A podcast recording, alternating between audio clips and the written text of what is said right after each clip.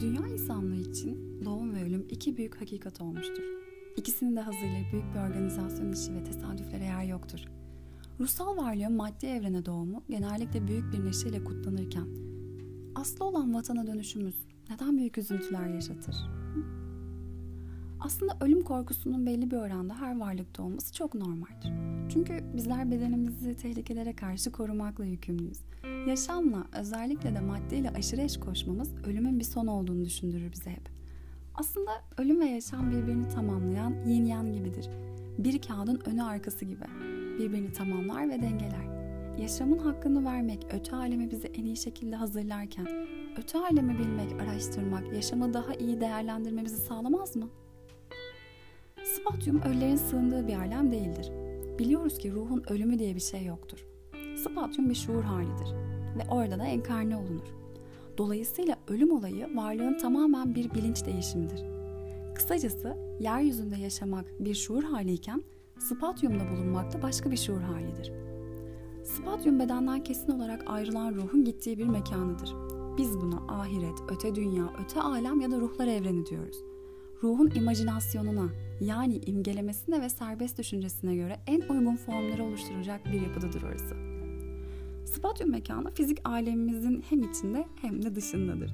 Yani insan bir yönüyle spatyumun yüzeyiyle temasta, diğer yönüyle de fizik aleminin içindedir. Bunlar birbirinin içine girmiş, sınırı belli olmayan iki ayrı koca alemdir. Spatyumun da maddesi ve atomu vardır. Ve biliyoruz ki fizik madde ve atomdan farklı. Fizik dünyamızda oranla daha yüksek ve ince tertipteki maddelerden oluşur. Spatyumdaki planları ve düzenleri gözlemleyen bir insan oradaki eşyanın geçirgen nitelikte olduğunu, daha parlak, daha ışıklı bir durumda bulunduğunu görür. Spatyum alemi dünyamızın fizik araç ve gereçleriyle maalesef keşfedilemiyor. Fakat o alemi insanın kendi kişisel deneyimleriyle tanıması mümkündür. Bu da insanın ya farkına varmadan ya da belirli yöntemleri kullanarak bu bilinç halini yaşayıp spatyumdan izlenimler elde edinebilir. İnsan ölüm olayı ile bedene bağlı şuur halinden çıkıp daha farklı bir şuur haline geçer. Bir ruh varlığı sonsuz olan evrende tekamülü için kendisine tanınmış her imkanı kullanmalıdır. Bütün mesele varlığın giderek bilgisini arttırması, kendini ve çevresini bilmesi. Böylece maddeye hakim olmak hem onu hem kendini geliştirir. İşte bu amaçla insan spatyum ile dünya realitesi arasında devam ederken spatyumun üst kademelerine de son durak olmadığı için devam eder. Tekamül yolculuğu sonsuz evrende devam eder. Ruhların bedeni bıraktıktan sonra hemen şaşkınlık safhasına girerler. Bu evrede bulunan ruhlar kendi görüşlerine uygun gelmeyen yabancı bir ortamın içinde birbirini tamamlayan, takip eden, genellikle tatsız olaylar ve sürprizlerle karşılaşır ve şaşkın bir ruh halinin içinde bulunurlar. Etraflarında olup biten şeyleri yanlış yorumlamaya çalışır. Aslında yarattığı imajlandırmalar, imgeler kendinindir ama fark etmez.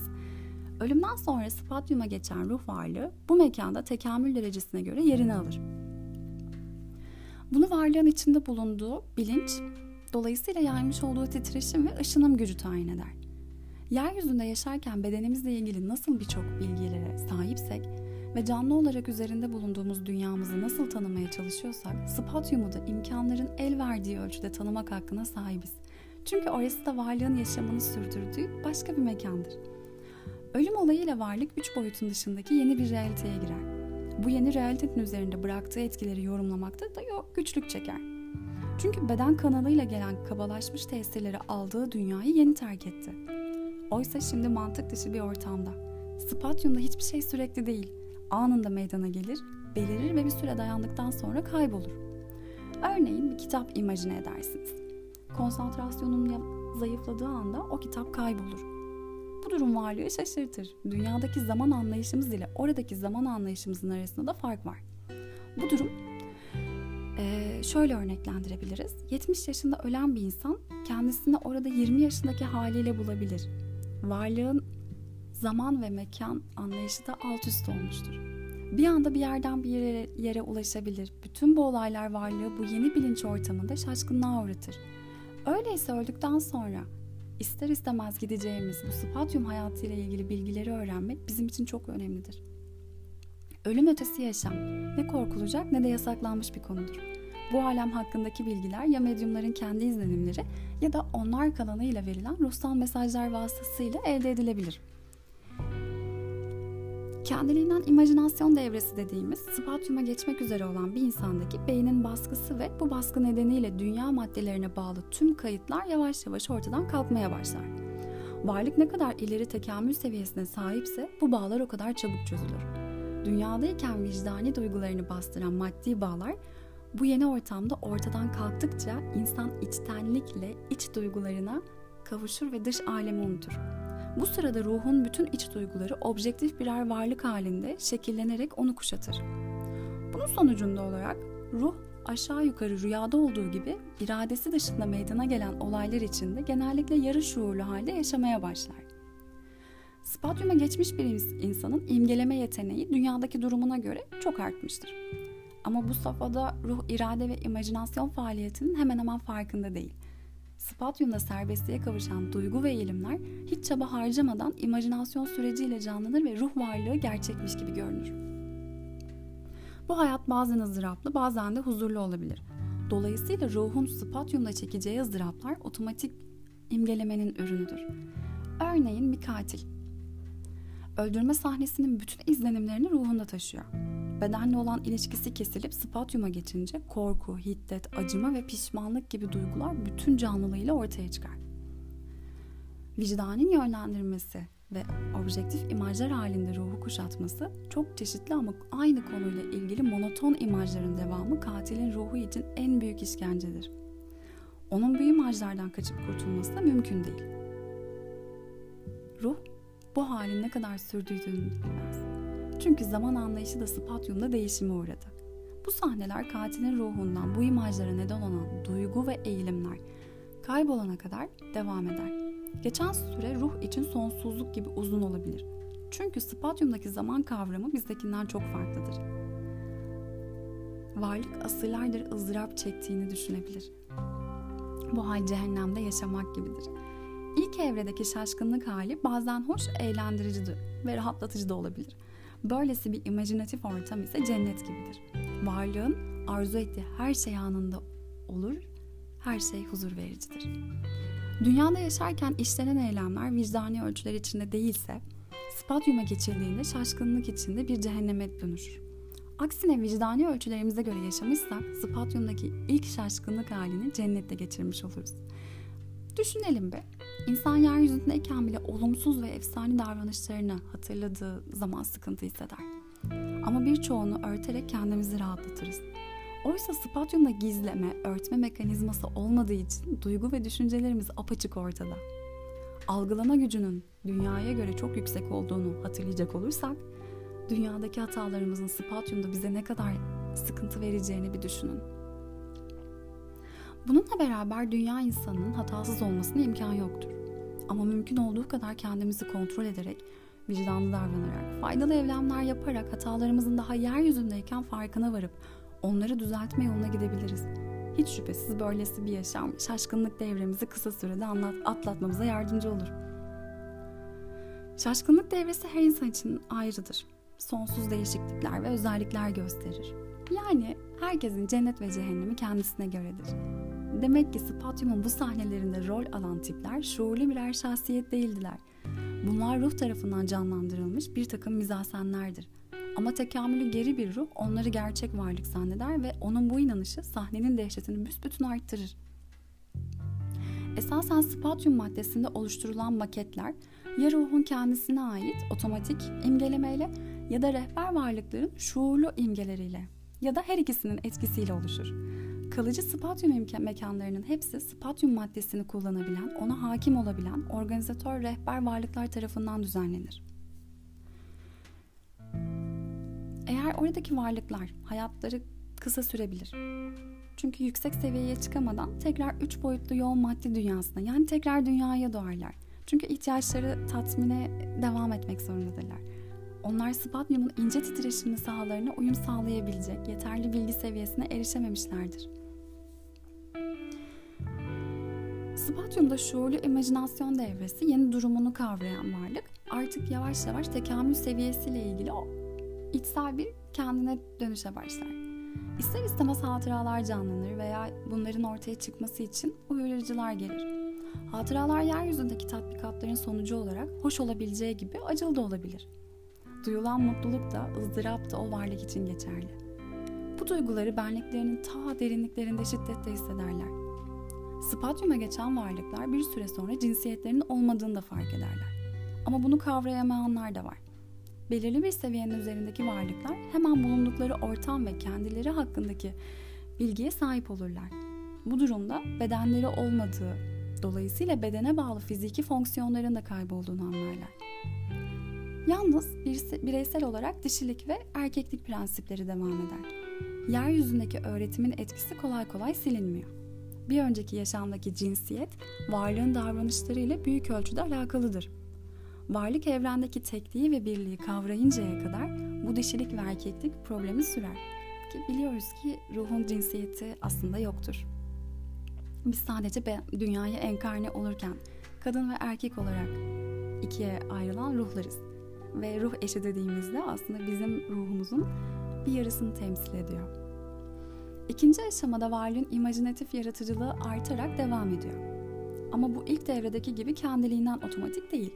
Yani ruh imajinatif, imgeleme faaliyetini kendi iradesiyle sürdürüyor.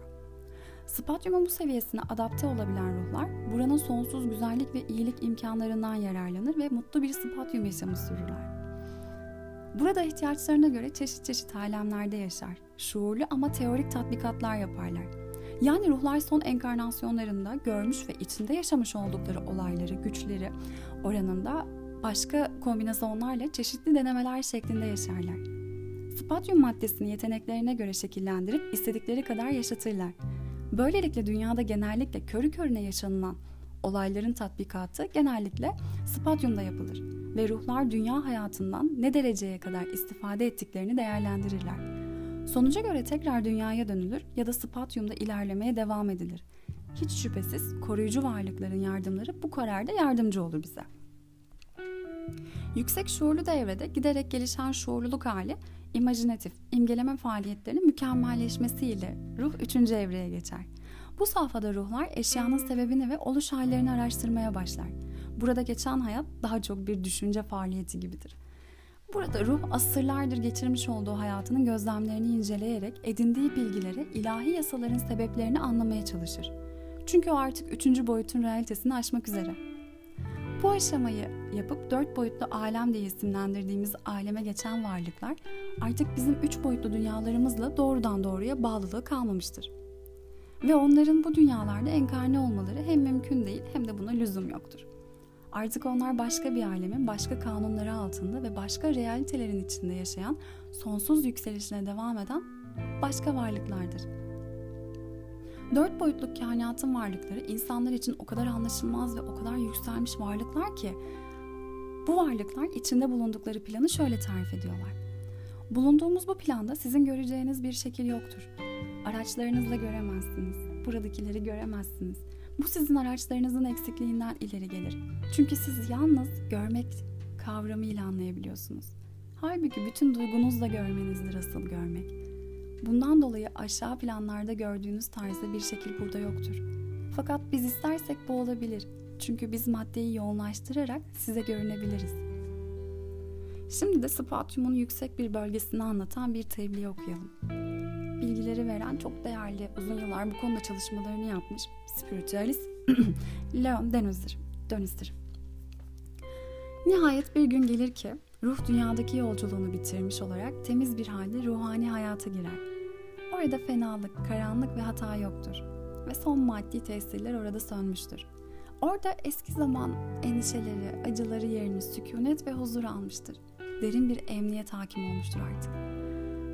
Bir daha ızdırap çekmeyeceğinden emindir aydınlanmış, sözünde duran ve tatlı ruhların ortasında yaşadığını hissetmek ne kadar hoş bir şeydir. Hiçbir şeyin koparamayacağı sevgi bağlarıyla onlara bağlanmak, onların ilhamlarına, görevlerine, zevklerine katılmak ve ayrıca onlar tarafından anlaşılmış olduğunu, desteklendiğini, sevildiğini duymak ve ölümden kurtulduğunu, asırların değiştiremeyeceği bir gençliğe kavuştuğunu bilmek ne kadar hoş bir şeydir.'' Yüksek bölgeler bütün sanatların ilham aldığı mükemmel ve ideal bir güzelliğin vatanıdır. Yüksek ruh için sanat birçok görünüşüyle bir doğadır. Sonsuz prensibe yapılmış bir ibadettir. Bizzat akışkan olan ruh spatyumun ince maddelerine tesir eder. Onun kudretli iradesi bu maddeleri birleştirir ve arzusuna göre düzenler. Kendi amaçlarına uygun bir şekilde onlara renk ve şekiller verir. İnce seviyedeki bu ortamlarda ruhani bayramlar vardır. Nurlar içinde parlayan temiz ruhlar. Orada da aileler halinde gruplanırlar. Dünyanın akortsuz gürültülerine karşın orada tatlı bir armoni vardır. Sayısız bir kalabalık halinde bulunan bu ruhlar birbirini tanır ve aralarında sevgi alışverişi vardır. Ölümle kesilmiş olan maddi hayattaki sevgi bağları bir daha kopmamak üzere tekrar kurulur. Bu birbirini seven ruhlar spatyumun çeşitli yerlerinden, çeşitli yüksek alemlerden gelerek toplanırlar. Yerine getirmiş oldukları vazifelerin, işlerin sonuçları hakkında birbirlerini duyuruda bulunurlar. Ve bu başarılarından dolayı birbirini tebrik ederler. Güç işlerinde birbirlerine yardım eder. Bu incelmiş ruhların arasında hiçbir ikiyüzlülük, hiçbir kıskançlık duygusu giremez. İlahi elçilerden görev alan ve daha yükselmek için yeni görevler kabul eden bu ruh topluluklarında sevgi, güven ve samimiyet hakimdir. Bunlardan bazıları sevgi ve ülkelerin, dünyaların tekamülüne, gelişimine katkıda bulunmayı kabul ederler. Diğerleri özveride bulunarak tekrar maddi dünyalarda enkarne olurlar ve bütün insanların ilimde, ahlakta aydınlatırlar. Diğer bir kısmı da enkarne insanlara bağlanarak yol gösterici, koruyucu sıfatıyla onları maddi varlıkların sert yollarında doğum anından ölüm anına kadar birçok hayatlarında te- takip eder ve korurlar. Ve bunlardan himaye görenlerin haberi olmaz.''